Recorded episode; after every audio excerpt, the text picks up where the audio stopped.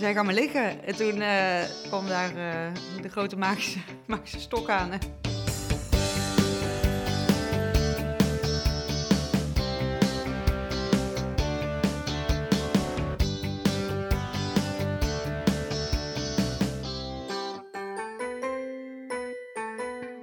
Welkom bij jouw Zwangerschapsweek, de podcast van 24baby.nl over iedere week van je zwangerschap.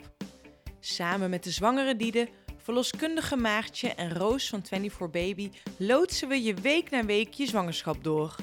Ik ben René, podcastmaker en ook moeder.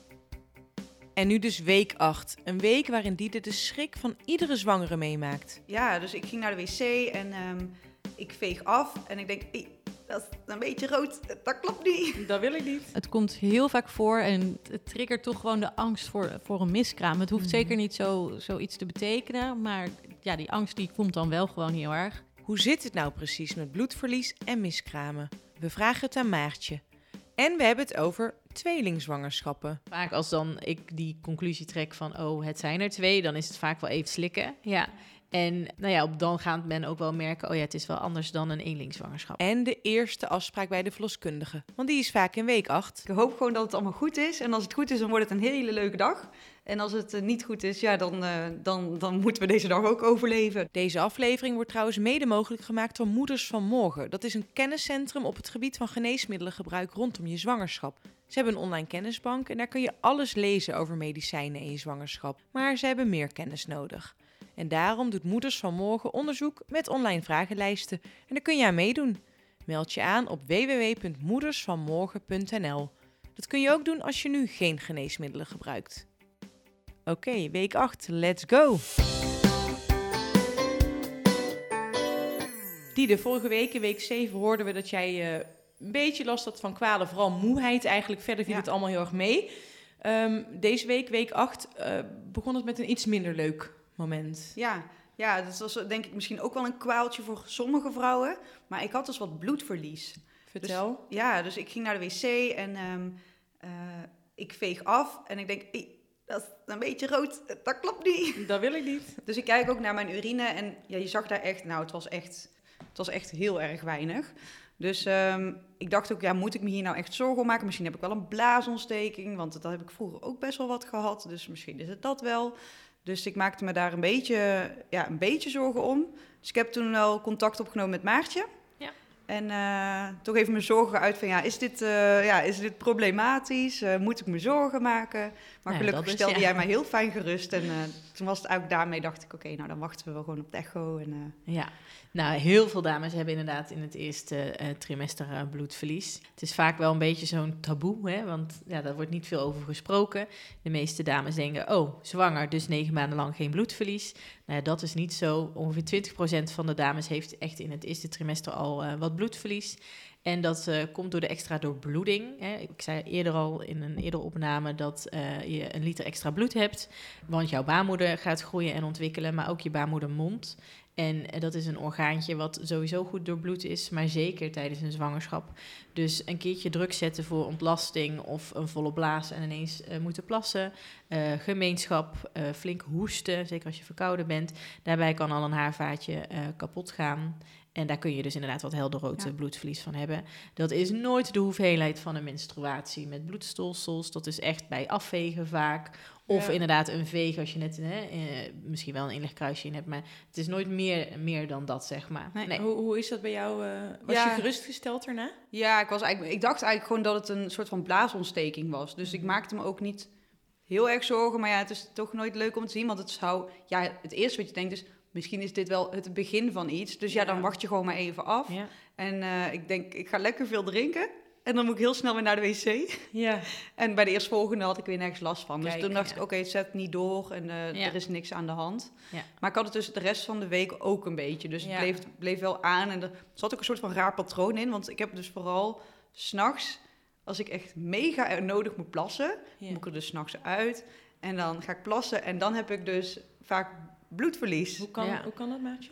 Ja, daar heb ik niet echt een, een, een verklaring voor waarom dat dan Nee. typisch s'nachts is. Nee, het Ja. kan zijn dus hè, de druk van de blaas, omdat hij zo vol is, Ja. dat hij net eh, eh, eh, die baarmoedermond heeft ja, aangetikt. Ja, dus nee, daar heb ik niet een verklaring voor waarom dat het vaker s'nachts is of, of juist niet. Hè. Er zijn er misschien ook dames die dat juist alleen maar overdag hebben, doordat de zwaartekracht dan natuurlijk wat meer meespeelt en het er makkelijker uitkomt. Maar ook even samenvattend, een beetje bloedverlies kan gewoon heel normaal zijn in de eerste bij de, weken. Juist, hoort bij heel veel zwangerschappen. Het Ja. wordt problematisch, om het maar even zo te Ja. zeggen, als het eh, echt de hoeveelheid van een, een, een menstruatie is. Dus echt Ja. op de eerste dag van je menstruatie, hè, dan bloed je natuurlijk het heftigst. Dat vaak kan dat gepaard gaan met stolsels eh, en ook in combinatie met buikpijn. Ja.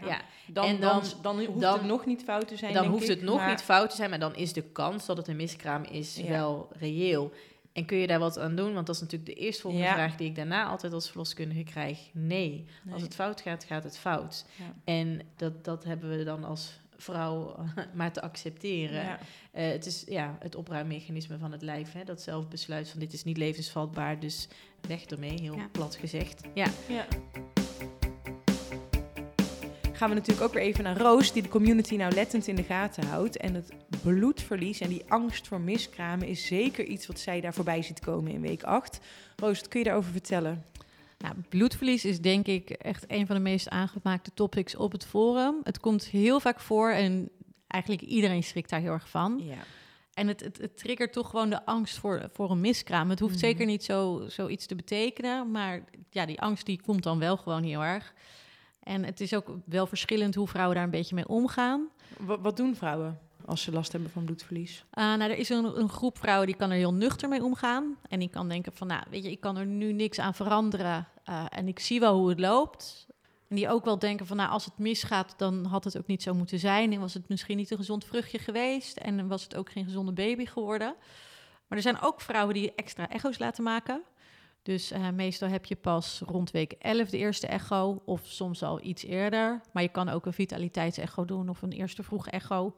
En op die manier proberen ze zichzelf meer zekerheid te Maar geven. geeft dat dan geruststelling? Nee, eigenlijk niet. Want je kan het natuurlijk niet zien waar het vandaan komt. Maar Nee.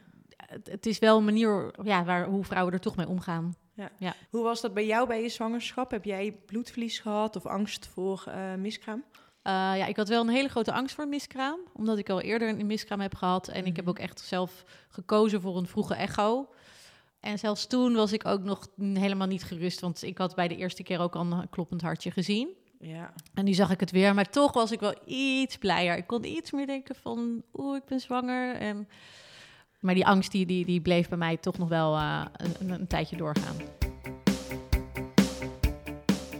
Mocht je nu voor het eerst luisteren en denken: waarom zit Roos niet bij de rest aan tafel? Nou, dat is dus omdat zij kort geleden is bevallen van een gezonde dochter.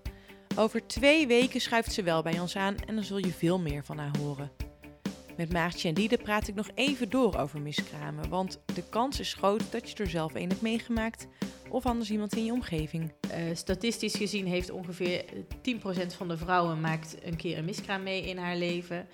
Dus dat is relatief best veel. Ja. Uh, maar daar wordt niet heel veel uh, over gesproken. Of het wordt in, in, in kleine kring uh, besproken en verwerkt. Ja, Ja. Maar best veel vrouwen maken in hun leven een miskraam mee. Ja, ja, ik ben er zelf één van. En wat ik heel verrassend vond toen ik het met mensen deelde, is dat, dat je dan in één keer komen er verhalen los, zeg maar, bij anderen. Ja, En, ja, dat eh, klopt. Dat dan- is vaak als je open bent over Precies. dingen. Ja. Dan hoor je in één keer hoeveel mensen het Ja. één keer meemaken. En eh, eh, in de meeste gevallen daarna alsnog één of meerdere gezonde kinderen krijgen. En misschien nog ook wel een keer een miskraam. Maar Ja, Ja. ja. ehm, het stelde mij wel gerust toen ik het ging delen met mensen. Om juist te ontdekken hoeveel voorkomend het is. En dat het dus eh, altijd nog goed kan komen daarna. En dat is Zeker. het. ja. en dat is het, ja, het vertrouwen erin hebben. Ja. Precies. Maar Didi, jij was denk ik dan wel best blij dat deze week je eerste afspraak had. Je kennismaking Ja. eigenlijk met Maartje. Ja, Jullie kenden elkaar in. dus al, maar dit was dan de echte kennismaking. Ja, ja, ja, daar had ik ook echt zin in. Ik, eh, ik dacht, ik hoop gewoon dat het allemaal goed is. En als het goed is, dan wordt het een hele leuke dag. En als het eh, niet goed is, ja, dan, eh, dan, dan moeten we deze dag ook overleven. Dat was Ja. het een beetje, maar ik had er vooral echt zin in. Ik liep hier naartoe en toen, eh, ja, ik belde aan. En mee, mee dat ik eigenlijk aanbelde, dacht ik, oeh, ik ben toch eigenlijk wel een beetje zenuwachtig. Waren jullie samen? Was, je met, Ja. was Daan mee? Ja, daar mocht mee, dus die, dat is heel fijn. Die kon, die kon erbij zijn. Dus, en hij was vrij rustig en kalm. Ik denk dat het zenuwen waren. Maar, dus die heeft echt, denk ik, volgens mij de hele afspraak ook helemaal niks gezegd. Weinig, ja. Ja, Daar zijn de meeste partners dat hoor. ja? Ja. Ja, ja en Ja. ik ging eigenlijk ronduit uit. Ik, eh, ik ga overal over kletsen. En eh, ja, toen, eh, toen konden we ook even kijken. Dus dat was wel heel fijn. Dat is bijzonder. Ja. Want, Ja, want je, Ja. mocht- ja, je hebt dus een echo gehad. Ja. Ja. ze zei, ga maar liggen. En toen eh, kwam daar eh, de grote magische, magische stok aan. En eh, toen mocht ik meekijken. En toen zag ik daar het kleine Haribo-beertje liggen. Dat was echt een Haribo-beertje. Ja. ja. Herkende je het meteen? Zag je zeg maar meteen op het scherm, dit is het, dit is er? Ja, dit Of is hem? eh, ja, ja, ze moest even zoeken. Er zat een, een paar dingen in de weg. Maar eh, daarna was het eh, snel gevonden. En eh, toen zei het, ja, ik denk, ik kijk. En zij zegt het maar. en toen zei ze, nou, dat ziet er goed uit. En zag je Ja. het kloppende hartje? Ja, ja dat Ja. zag je echt zo, dat zag je flikkeren, zeg maar. Dat was wel heel leuk om te zien. En hoe, hoe was dat moment voor jou? Want daarvoor is het misschien toch een beetje abstract. Je ziet aan de zwangerschapstest dat je zwanger bent. Je voelt het aan bepaalde dingen in je lichaam. ja. Maar je vertelde al, ja, ik ga er een beetje van uit dat het niet goed is en dan kan het altijd meevallen. Nou, Ja. en nu zag je dat het goed was. Ja, ja ik, ik ben misschien niet zo'n super emotioneel persoon. Ik ben een beetje de droogkloot. Dus het eerste wat ik dacht was, oh leuk. Dat was echt- ik vond het vooral echt heel leuk om te zien. Dat ik denk, oh ja, kijk, dat is het kleine mensje wat in mij groeit. En eh, ik denk wel dat ik het nog leuker nu vind. Nu, nu kun je er wel wat blijer mee zijn, dat is wel zo. Want in het begin heb je echt die onzekerheid. En dan met, nu met acht weken, dat ik nu die echo heb gehad, denk ik, oh ja, oké, is wel een opluchting. En ik durf wel wat zekerder te zijn. Dat is het gewoon, ik durf blijer te zijn. Ja. Dus ik vertel het nu ook gewoon tegen iedereen die ik tegenkom. Ja. En dat is ook wel terecht natuurlijk. ja, want neemt de kans op een, een miskraam af als je met acht weken... eh, Ja, Heb je met, eh, met acht weken, ik zeg wel altijd een positieve echo, ehm, dan eh, is de kans dat het eh, misgaat, is, het wordt natuurlijk nooit nul, maar die neemt echt al wel, wel drastisch af. Ik zou zeggen, zo'n 2 à 3 procent eh, eindigt alsnog wel in een miskraam. Maar dat is natuurlijk al een stuk minder dan die 10 waar iedereen start zwangerschap, zeg maar, het risico op heeft. Bij die kennismaking die Mhm. veel vrouwen eh, die zwanger zijn in deze week zullen hebben. Wat, wat gebeurt er bij zo'n kennismaking? Eerst inderdaad even kennismaking. Dus eh, vaak even aftasten wie heb ik tegenover me zitten. Hoe ben je zwanger geworden? Heeft het lang geduurd? Ben je überhaupt eh, zenuwachtig inderdaad voor deze eerste afspraak? Nou, daar kunnen de meesten wel beamen. Ja. Ehm, echt even kennis maken. En dan nou ja, had Diede natuurlijk wat bloedverlies deze week. Dus eh, ja, ik heb gelukkig op mijn praktijk een eigen echoapparaat. Dus kan ik ook eh, laagdrempelig even kijken van, goh, zit het goed? Ja. Want dat is dus niet standaard om een echo te hebben met acht Nee. weken. Nee, dat is niet standaard. We noemen dat, eh, als je hem dus hebt, een vitaliteitsecho. Dat is een echo om te kijken of je van een, een vitaal eh, vruchtje zwanger bent, oftewel met hartactie. Dus er zitten ook wel wat eisen aan zo'n vitaliteitsecho. En daar moet je eigenlijk ook wel voor opgeleid zijn als echoscopiste. Dus nou, dat ben ik ook. En zo'n, met deze echo bij acht weken kun je dus kijken van... zit het vruchtje in de baarmoeder? En hebben we het niet over een buitenbaarmoederlijke zwangerschap. Hoe groot is het kindje ongeveer? Dus komt het overeen met die acht weken? Nou, de hartactie hadden we natuurlijk al even besproken. En bij acht weken kun je ook zien of iemand zwanger is van een eenling of een tweeling of een meerling. Dus het is best wel een spannende echo hè, als je hem maakt, zeg maar, Ja. bij deze eh, termijn. En in principe moet je er een goede reden voor hebben om, eh, om zo'n eh, vroege echo te doen. Ja, en bij jou was het er dus één. Ja, bij mij was het er één. Ja, dat is wel grappig, want wij waren weer thuis. En, ehm, maar mijn moeder die zei het ook zo, die vroeg het zo aan Daan. Nou, Dus het was er één. Ja, het was er één. En toen zei mijn vriend, en ik had precies hetzelfde. Die zei, ja, ja ik was eigenlijk wel opgelucht, maar ook wel teleurgesteld. Want het, was ook, het had zo mooi kunnen zijn als er dan weer twee waren geweest. Wat Dus- had je daar leuk aan gevonden? ja, nou, ik denk dat ik er ook heel veel niet leuk aan had gevonden. Maar het is gewoon iets heel bijzonders als je, Ja, er, ja. Twee, als je er twee hebt. Dus dat, Ja. ja. dat is gewoon een beetje een, ja, een uniek dingetje. En eh, ja, dan heb je er twee tegelijk. Ja, dat is heel heftig, lijkt me, maar ook wel heel leuk. Hoe vaak Ja. komt dat voor? Ik heb het idee dat het steeds wat vaker gaat voorkomen. Dat heeft ermee te maken dat eh, eh, wij Nederlandse dames op een steeds eh, oudere leeftijd eh, zwanger raken.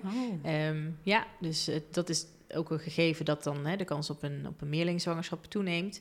Ehm, het, het komt wel eens voor. Ik zal niet zeggen wekelijks. Bij mij in de praktijk gelukkig niet.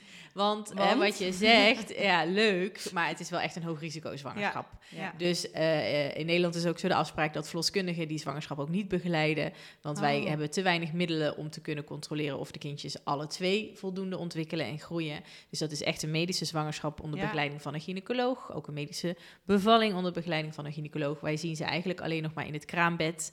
eh, Oh. eh, om, ja, om dan te kijken van gaat het goed met moeder en twee kinderen. Dus ik vind het Tuurlijk, ik snap hè, de, de euforie die dat bij mensen oproept. Zeker het idee ervan. Want vaak als dan ik die conclusie trek van... oh, het zijn er twee, dan is het vaak wel even slikken.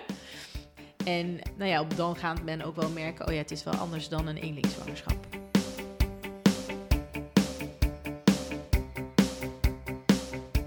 Meestal krijg je bij de eerste kennismaking met je verloskundige of gynaecoloog ook alvast informatie over onderzoeken die je kunt laten doen naar de gezondheid van je baby. Wij doen inderdaad bij, eh, bij het kennismakingsgesprek rond de acht weken doen we ook het counselinggesprek eh, Ja. daarbij. Dat is een gesprek van eh, minimaal een half uur, waarbij we het hebben over testen die je in de zwangerschap kunt laten doen naar de gezondheid van je ongeboren kindje. Veel En dat- informatie. ja, dat is veel informatie. Ehm, dus wij verwijzen dames ook op het moment dat ze zich bij ons telefonisch aanmelden, alvast naar de website pns.nl. Daarop staan alle onderzoeken al een keertje uitgelegd, zodat op het moment dat wij het counselinggesprek gaan voeren, die informatie niet helemaal eh, blanco is. Want het is gewoon complexe, eh, ja, complexe theorie. Daar hebben we het dus eh, bij acht weken al over. Dan krijgen mensen ook nog foldermateriaal mee. Dus dat heeft Diede ook eh, Ja. deze week meegekregen. Om het daar sowieso thuis met partnerlief natuurlijk, maar ook misschien nog wel eens met ouders, met, met broers of zussen, eh, zeker ook met mensen die al een kindje hebben, het daar eens over te hebben. Want het is een eigen keuze of je die onderzoeken laat, eh, Ja. laat doen. En eh, het is wel belangrijk dat je weet wat je daarin, wat je daarin wil. Ja. Ja. Diede, je hebt dus heel veel informatie gekregen. Ja. We gaan het eh, heel veel stof tot nadenken ook. Ja, zeker. Ga je er goed over nadenken? Is het iets Ja, waar je ik, wel- we staan er allebei wel heel erg hetzelfde in. Dus we hadden eh, misschien wel aan de tafel al een antwoord kunnen geven misschien. En dan hadden we er allebei wel... eh, ja, dan waren we er altijd al goed mee geweest. Maar ik denk wel dat het goed is om dat dus nog niet te doen. En juist eventjes thuis inderdaad met mensen Ja. te spreken. Want je kunt altijd op andere gedachten worden Ja. gebracht. Dus we gaan het er gewoon even goed over hebben. Dan Ja. gaan we volgende week horen of jullie tot een conclusie zijn gekomen over wat jullie willen. En Maartje, jij kan ook wat meer vertellen over Zeker. wat dan eigenlijk die verschillende onderzoeken zijn en waarom mensen misschien bepaalde keuzes maken. Daar ben ik heel Ja. benieuwd naar. Ja, daar zijn wij als verloskundigen ook bij betrokken. Hè, bij de, Ja. de, de- zeg maar het bes- de besluitvorming, zoals we dat zo mooi noemen. En eh, daarom doen wij bij acht weken daar alvast wat informatie over meegeven. Omdat je die testen vanaf een week of 10, 11 eh, kunt starten. Dus dan hebben mensen ook daadwerkelijk even de tijd om dat te bespreken en te bedenken. Praten we volgende week over door. Tot dan. Tot Yes, dan! Tot dan. Wat leuk dat je luisterde naar week 8 van jouw zwangerschapsweek. De podcast van 24 Baby, waarin je alles hoort over iedere week van je zwangerschap. Volgende week, wat schrijft de 24 Baby community over prenatale testen? Ik zie dat mensen zeggen van, nou ja, ik zou toch niks met de uitslag doen, dus ik doe het niet. Terwijl anderen juist heel erg zeggen van, ja, wil weten of het kindje het Down-syndroom heeft. En we hebben het over eten, aankomen en andere lichamelijke veranderingen. Ja, ik denk dat ik nu twee kilo ben aangekomen. Dus dat is voor mij eh, wel pittig. En hoe betrokken zijn die partners nou helemaal in week 9? Nee, ik denk dat, dat ik eh, de verkeerde heb. Hij kwam niet met massages aan. Nee, nee, nee. Meer luisteren of lezen over je zwangerschap? Download dan de gratis 24 Baby app. Mijn naam is René en je hoort me weer in week 9. Tot dan!